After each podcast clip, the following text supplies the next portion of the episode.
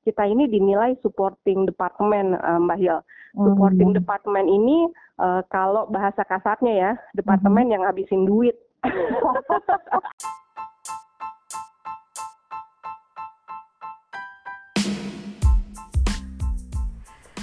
Selamat datang di BBC Bincang-Bincang seputar broadcasting dan komunikasi. Saya Hilda Rahmawati.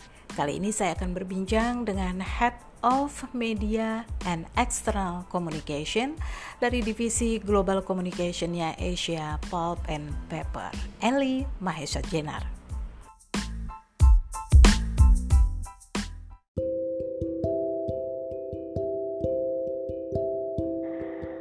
Oke, halo Eli Mahesa Jenar.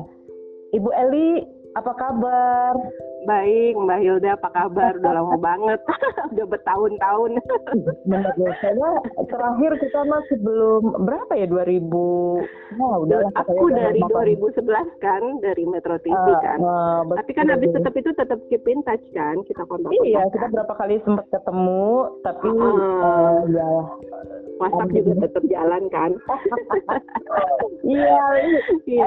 Kenapa Mbak? Uh, gue ini mau ngobrol-ngobrol sedikit sedikit nih tentang sekarang kan uh, profesimu ini sebagai head media and external communication ya. Mm. Di iya, Mbak. Masih di perusahaan yang berkaitan dengan perkebunan Asia, uh, di Asia Pulp and Paper atau udah pindah lagi nih?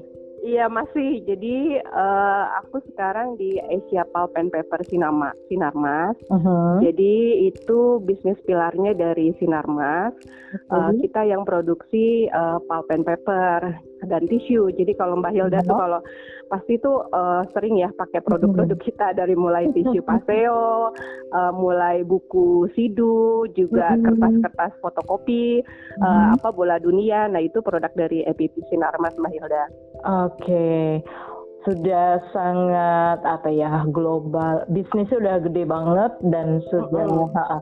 Nah, Eli itu sekarang kan di head uh, media and external communication gitu ya, uh, uh, menjalin hubungan dengan media atau istilahnya sebagian bilangnya media relation, termasuk uh, juga external communication. Itu uh, boleh kasih tahu nggak? Ini kamu stakeholder kamu tuh siapa aja sih? Gitu? Karena biasanya nih sorry kalau ada beberapa yang media relation ya media relation aja, sementara hmm. external communication itu bagian dari PR, ada yang terpisah lagi lah gitu dari korkom hmm. apa. Hmm. Tapi ini lo dijadiin satu gitu, bisa cerita mungkin concernnya apa sih gitu, istilahnya menjadi satu divisi. Oke, okay. jadi uh, kita ini dalam satu divisi itu namanya uh, Corporate Affairs and Communication okay. uh, di mas di uh, eh, CAC ya kita sebutnya di CAC uh-huh. itu uh, ada macam-macam departemen dan kebetulan uh, I'm overseeing di uh-huh. uh, departemennya yang head and media uh, eh sorry uh, media and external communication. Uh-huh. Nah tadi Mbak uh, Hilda sebutkan biasanya media media relation aja nih kenapa ini jadi external communication karena uh, untuk kita dalam industri terutama ya industri yang terkait uh, natural resources based company kayak perkebunan sawit, pulp and paper, uh, mm-hmm. external stakeholder kita itu nggak cuma media Mbak Hilda. Okay. Jadi uh, ada dari NGO juga uh, kita suka uh, apa berinteraksi. Uh-huh. Ada dari pemerintahan juga uh, kita juga uh, berinteraksi juga karena kan uh, isu-isunya beragam ya terkait uh-huh. sustainability, terkait uh, apa namanya uh, hubungan uh, dengan karyawan juga. Jadi uh, kenapa jadi head media external communication? Uh, enggak, uh, kan isu-isu buruh oh, kayak gitu loh uh, Mbak kan pasti gitu ya, betul ketenaga kerjaan. Uh, memang itu nanti jatuhnya di HR cuman kan mereka hmm. butuh support dari kita juga kan. Hmm. jadi uh, identifikasinya seperti itu. Jadi uh, external communication ini juga in a way itu terintegrasi. Jadi kita nggak cuma uh, sekarang kan media juga udah shifting ya. Nggak hmm. cuma uh, traditional media. Kita juga harus aware bahwa uh, media tradisional ini udah shifting menjadi uh, digital dan uh, social media. Yeah. Jadi apa pun yang kita uh, message apa pun yang sudah uh, kita tetapkan menjadi strategi komunikasi kita di satu tahun ke depan uh-huh. itu harus ter, uh, ter apa ya uh, teramplifikasi nggak cuma di media tradisional tapi juga di media uh, sosial media digital dan yeah. juga ke internal juga. Jadi itulah yang disebut karena terintegrasi semuanya. External communicationnya juga nggak cuma media uh, related only uh, makanya di situ ada uh, media and external communication kayak gitu. Karena uh, apa uh, stakeholder aku juga uh, agak nyentil juga karena kita kan global company uh-huh. kita ada buyer juga Mbak Hilda uh, oh, customer kan dari global ya. uh-huh. betul karena mereka suka ada inquiry kan uh-huh. kalau kita ada corporate action kita ada issue atau crisis kan mereka pasti tanya ke kita uh-huh. uh, dari sisi buyers customer dan juga dari bankers itu juga uh, under my uh, supervisi si uh, Mbak Hilda jadi pesan atau apa pun yang keluar dari manajemen itu harus uh, as approved uh, dari uh, aku dan juga dari top manajemen. Hmm. Gitu sih. Kompleks juga ya. Betul. Tapi nggak stres sih. Istilahnya uh, modal Eli dulu untuk masuk ke bidang ini itu kan dari media ya karena udah terbiasa uh, uh, uh, di media, uh, ketemu orang, interview segala macam. Mungkin itu yang menjadi basic ya, basic betul, modalnya. Betul. Uh, uh karena uh, knowing ya uh, aku kan background medianya tuh 9 tahun ya uh-huh. apalagi kita juga di TV berita ya Mbak uh-huh. Hilda kan juga pasti lebih paham ya kita modal kita ini uh, apa ya keluasan kita ketika kita hmm. bertemu dengan different stakeholder, ketika kita bertemu dengan different uh, generation, kan kita juga di dulu kerja kan ada yang uh, udah senior, uh, yang kita panggil mas-mas, senior producer dulu kan kita kita panggil mas-mas, terus juga ada yang anak-anak training gitu loh. Jadi kita udah di di tempat dengan segala macam otak orang, dengan segala macam background orang, itu kita udah udah udah paham gitu loh. Jadi hmm. itu sih yang aku aku pikir uh, apa namanya jadi modal aku waktu uh, ketika pertama kali memutuskan untuk uh, switch my career uh, path mm -hmm. dari uh, jurnalis to the other side of the fence uh, kayak jadi ke korporasi jadi uh, yeah. pihak yang berseberangan gitu loh mm -hmm media dan eksternal komunikasi basicnya itu ya komunikasi hmm. dan kamu biasa berhubungan dengan macam-macam orang dengan latar belakang hmm. cocok hmm. banget berarti kan sekarang sudah merasa udah berapa tahun berarti setelah uh, lo hijrah dari media udah uh, ta ya? tahun tahun ini 10 tahun sih satu oh, satu ya? dekade okay. ya ya 10 tahun uh, jadi dari 2011 sekarang 2021 Oke, okay. uh, satu dekade menekuni bidang komunikasi di luar media ya, istilahnya mm -hmm. uh, jadi dunia kehumasan kan ini bagian dari kehumasan mm -hmm. ya kalau mm -hmm. bisa ini mm -hmm. simpulin. Mm -hmm. Nah dari 10 tahun ini li, pasti kan mm -hmm. dulu sampai sekarang situasinya beda ya, pendekatannya ataupun challenge-nya mungkin berbeda ya mm -hmm. mungkin kayaknya pasti beda deh nggak mm -hmm. usah bicara yang berapa puluh tahun lalu ya ibaratnya mm -hmm. sebelum pandemi aja sampai sama sampai sekarang aja kita juga udah mulai harus segera beradaptasi dengan perubahan itu ya Li. Yang terberat yang lo rasain selama 10 tahun menekuni bidang uh, komunikasi, rela relation ini apa Li?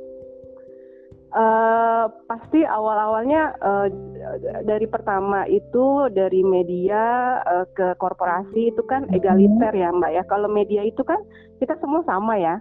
ya Maksudnya uh, ya egaliter lah kita setara uh, kedudukan setara kita bisa uh, speak up di meeting redaksi kita bisa uh, ngomong gitu kan input-input apa aja di meeting redaksi di meeting uh, evaluasi gitu kan hmm. once uh, lu nyebur ke uh, korporasi uh. itu kan ada mereka ada struktur organisasi gitu yang uh, pakem ada hierarkinya gitu loh hmm. jadi itu sih yang awal-awal aku mesti uh, meraba meraba-raba kayak Uh, biasanya nih kayak uh, levelnya kan aku nih asprot ya. Dulu hmm. kalau di media kan hmm. produser terus semprot. Aku bisa anytime bisa ngobrol kan ke semprot ya gitu loh ke Mas yeah, Andri taunya. Kalau Mas Astranya gitu kan. Nah yeah, kalau yeah. di di di korporasi tuh benar-benar kita harus uh, kulonun dulu gitu loh. Hmm. ke apa uh, direct supervisor kita dulu gitu kan. Uh, okay. eh aku punya ide kayak gini bisa nggak gini, gini nih jadi nggak bisa lu langsung ke uh, uh, bosnya bos gitu kan kan? Itu dari sisi uh, apa sih namanya? komunikasi betul ya, komunikasi harus berjenjang betul hmm. seperti itu. Itu dari sisi ininya ya. Apa sih namanya? Dari sisi administrasi lah kalau bisa dibilang ya. Nah kalau dari sisi uh, perubahan yang um, uh, 10 tahun ini uh, eh, PR ini bergerak ke arah mana itu yang tadi aku sebutin sih Mbak Hilda. Jadi uh-huh. uh, dulu itu kita uh, media relation uh, modalnya ya kita cuma uh, punya hubungan baik uh, dengan teman-teman media, kita sering ngobrol-ngobrol, ngopi-ngopi, kita suka uh-huh. media visit, uh, kita me, me, apa ya menganggap rekan-rekan media itu sebagai mitra kerja gitu loh, bukan okay. bukan lawan atau apa gitu kan itu dulu seperti itu.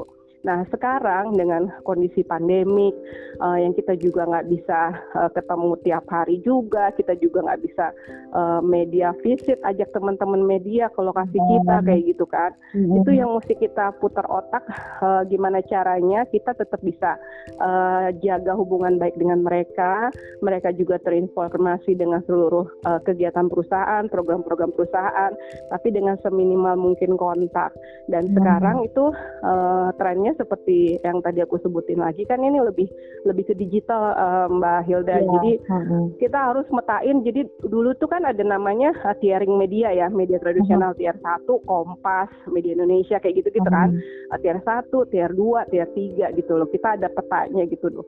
Dan itu lama berlakunya. Tapi sekarang tuh udah yang di ya. tier satu iya yang di tier satu tier dua tuh udah yang online online gitu loh hmm. Mbak Hilda udah hmm. ubah lagi jadi hmm. uh, shiftingnya lebih ke online dan uh, kita juga le lebih membuka diri untuk di digital jadi hmm. uh, platform sosial media yang ada sekarang ini kita harus uh, bisa eksis hmm. untuk uh, menjawab uh, tuntutan zaman sekarang ini kita di uh, LinkedIn, di Instagram gitu loh karena uh-huh. uh, tren sosial media ini kan yang makin uh, harus kita kejar ya karena uh-huh. kalau kita nggak kejar kita bisa bisa ketinggalan uh, mengingat nih sekarang nih sumber informasi dari publik kan halayak itu kan nggak koran lagi mbak Hilda kan cepat lebih lebih iya betul hmm. dari sosial media dari dari gadget kayak kayak hmm. gitu jadi yeah. itu sih yang uh, tadinya kalau aku kan biarpun gimana ya generation X tuh udah ngerasa tua kan ya.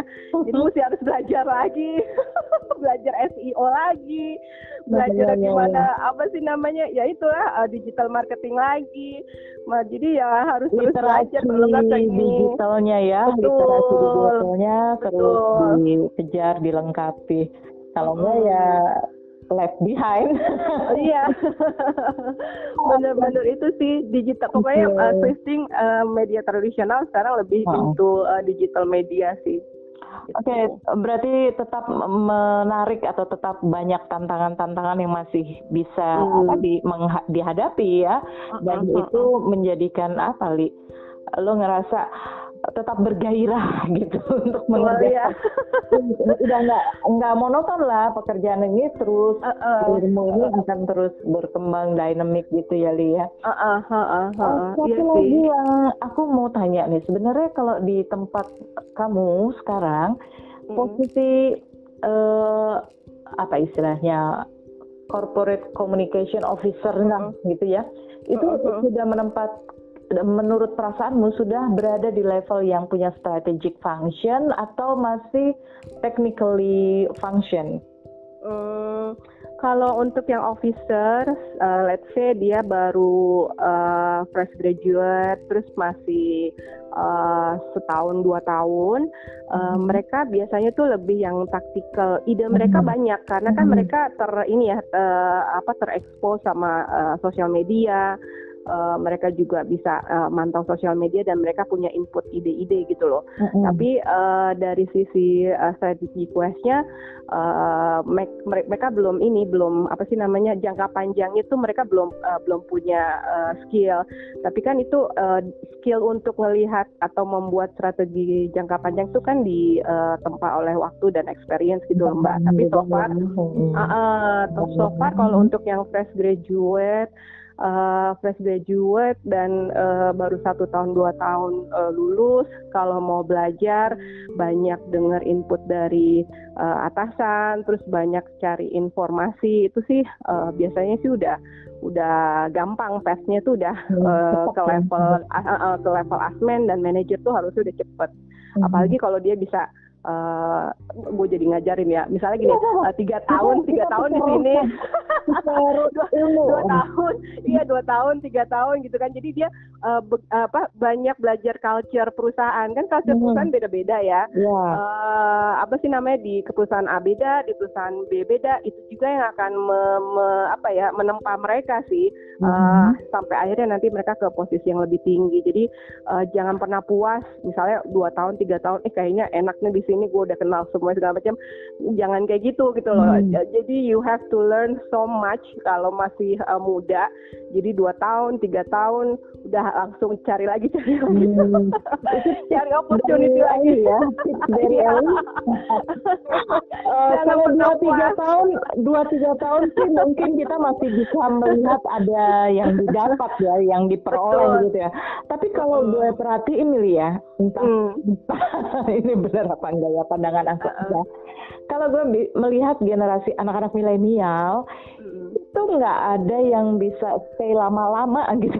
Nah makanya makanya aku bilang aku ya, bilang tuh dua begitu gitu setahun nah. eh, dua tahun itu lama loh rata-rata uh, ya setahun udah cukup deh dapat ilmu uh, pindah gitu makanya makanya aku bilang tuh dua tahun tuh minimal banget mbak hmm. Hilda dua tahun sampai tiga tahun tuh minimal makanya aku juga nggak suka untuk yang tipe-tipe yang sangat milenial yang cuma 10 bulan 9 bulan itu aku juga nggak encourage gitu loh. Lu belum absorb belum belum belum belajar uh, apa pun di satu tempat tapi lu udah udah udah okay. udah loncat okay. lagi gitu loh. Cuma hmm. for the sake of tambahan berapa sih uh, sejuta dua juta kayak gitu kan. Hmm. Uh, nambah-nambah uang kopi kayak gitu kayaknya uh, better dua tahun minimal sampai lo bisa kayak kita kan dua hmm. tahun itu kita bisa bikin program ya Mbak Hilda hmm. program apa pun itu lo mau bikin hmm. newsletter mau bikin apa ada legacy di perusahaan itu yang kita yang kita tinggalin gitu loh. Jadi nggak cuma sekedar nama portofolionya adalah paling nggak dua tahun gitu yeah. ya. Minta sama mantan bos rekomendasi juga seneng hati rok. Apa? bosnya kan? Put my name on your iya. resume gitu kan. Kalau lo emang udah dua tahun tiga tahun. Kalau misalnya udah baru enam bulan delapan bulan minta kita kasih rekomend yang jadi bosnya juga males aja. dan, dan itu uh, lu ketemu juga ya Li yang model-model gitu ya ketemu ya?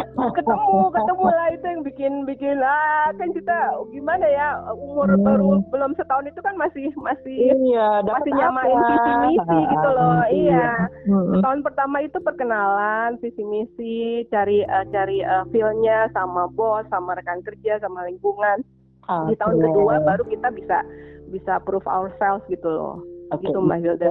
Untuk anak-anak yang baru ya, mereka memang masih baru harus melengkapi, mendalami technical apa skillnya dulu.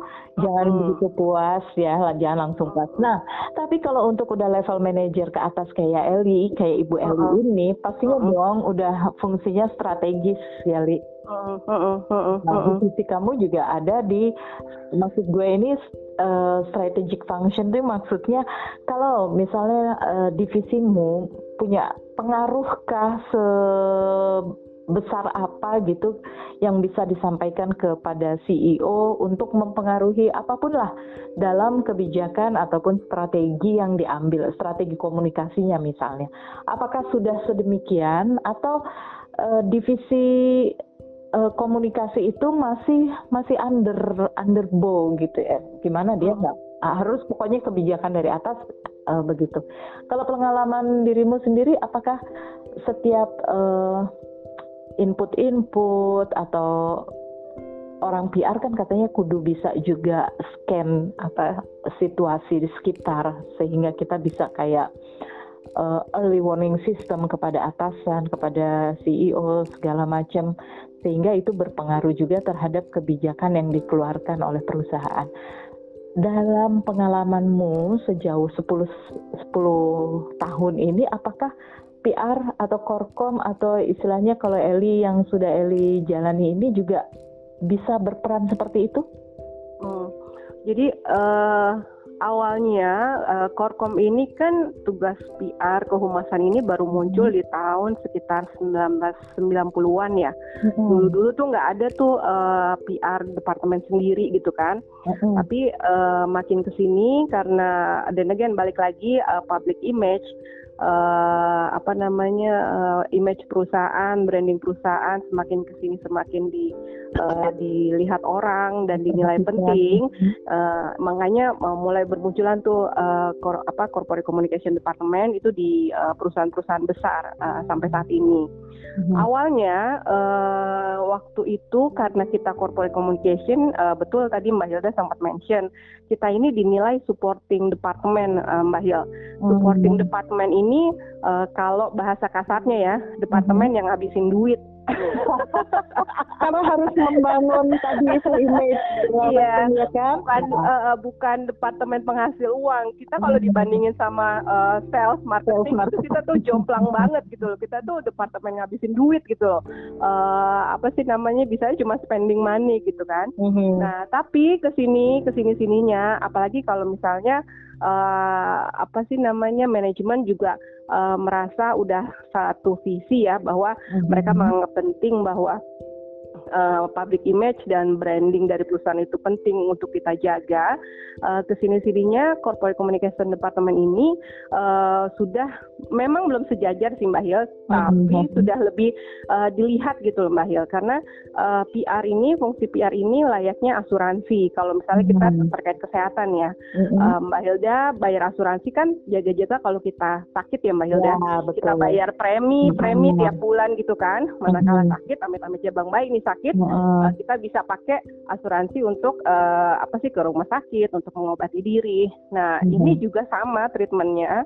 Analoginya uh-huh. kalau bisa kita analogikan uh, departemen PR uh, dengan uh, insurance uh, karya uh, sorry insurance perusahaan ketika uh -huh. manakala itu ada uh, krisis ada uh -huh. uh, permasalahan di publik yang ber apa namanya yang berpotensi untuk uh, mem, apa membuat image dan uh, brand uh, perusahaan itu menjadi negatif jadi program-program uh, PR uh, engagement uh, tim PR yang dilakukan kepada media kepada NGO kepada -huh. uh, apa sih namanya stakeholder uh, terkait -huh. itu premi itu uh, asuransi asuransi kita ketika nanti uh, kita yang ada dirasakannya bisa nanti apa pun. dijangka betul. uh, karena uh, PR tuh intangible mbak Hil uh, uh, tidak bisa terlihat gitu loh. Uh, uh, kalau misalnya dulu-dulu tuh oh, PR value PR value tuh udah udah nggak ini lagi gitu loh. Tapi yang kita bisa lihat nanti uh, at the end of the year kalau kita bikin stakeholder review uh, hmm. itu bisa terlihat uh, brand kita, image uh, perusahaan di mata uh, consumer, di mata hmm, external stakeholder itu udah ya.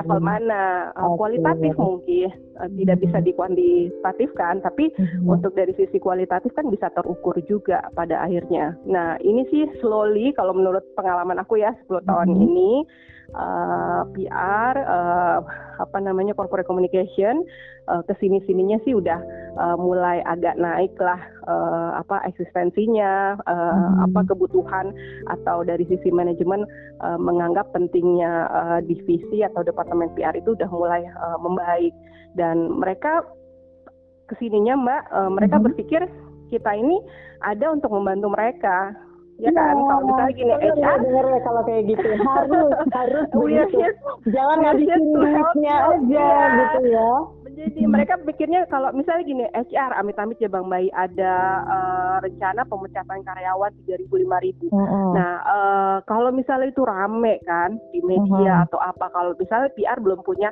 hubungan baik dengan media kan bisa aja satu uh, artikel itu akan one sided aja kan dari sisi buruhnya dari sisi pokoknya dari sisi yang jelek deh tanpa ada uh, konfirmasi dari pihak uh, perusahaan. Nah kalau dari PR-nya kita punya media engagement yang baik paling enggak tonality artikelnya akan netral. Uh, dan ketika itu dilihat oleh buyer dan um, bankers ya yang kita -huh. institusi financing deh. Uh-uh. Jadi mereka lebih lebih percaya gitu kan dari alih-alih kalau misalnya uh, artikel yang terbit itu negatif semua. Uh-huh. Itu dari sisi HR aja. Uh, apa sih namanya dari sisi departemen-departemen lain juga sisi sustainability. Kalau mereka hmm. udah mati-matian punya program sustainability, tapi tidak terkomunikasikan dengan baik ke pihak, pihak ketiga, ke pihak eksternal, kan hmm. sama aja. Nanti ada krisis dibilangnya nggak punya program apa kok keberlangsungan uh, apa keberlangsungan lingkungan hidupnya nggak ada program nggak ada ini nggak hmm. kelihatan nggak pernah dipublikasikan itu kan hmm. mereka juga yang repot jadi ke sininya sih mereka udah mulai oh iya ya lu tuh apa piatu buat support kita semua. Penting banget. Iya mudah-mudahan apa semakin semakin diakui lah ya di perusahaan. Dan uh, kalau apa kalau kita belajar di negara-negara maju juga li ekspansi perusahaan-perusahaan besar itu juga sangat ditopang oleh divisi PR-nya, communication-nya gitu. Betul. Ya, Oke, okay, mudah-mudahan sih lu semakin sukses, semakin maju. Amin, amin. Matilda juga. Yang sudah jadi passionnya El sejauh ini. Amin. Terima kasih Mbak Hil. Sama-sama ya. Kita yang penting juga sehat-sehat nih. Semoga sama-sama sama pandemi ini nggak sehat saja badan kita, jiwa kita, tapi, tapi juga, juga tetap ekonomi waras. waras dan ekonomi kita, bisnis kita tetap sehat juga. Amin, amin, amin, amin. Terima kasih. Oke, sama-sama Mbak Hilda. Bye. bye.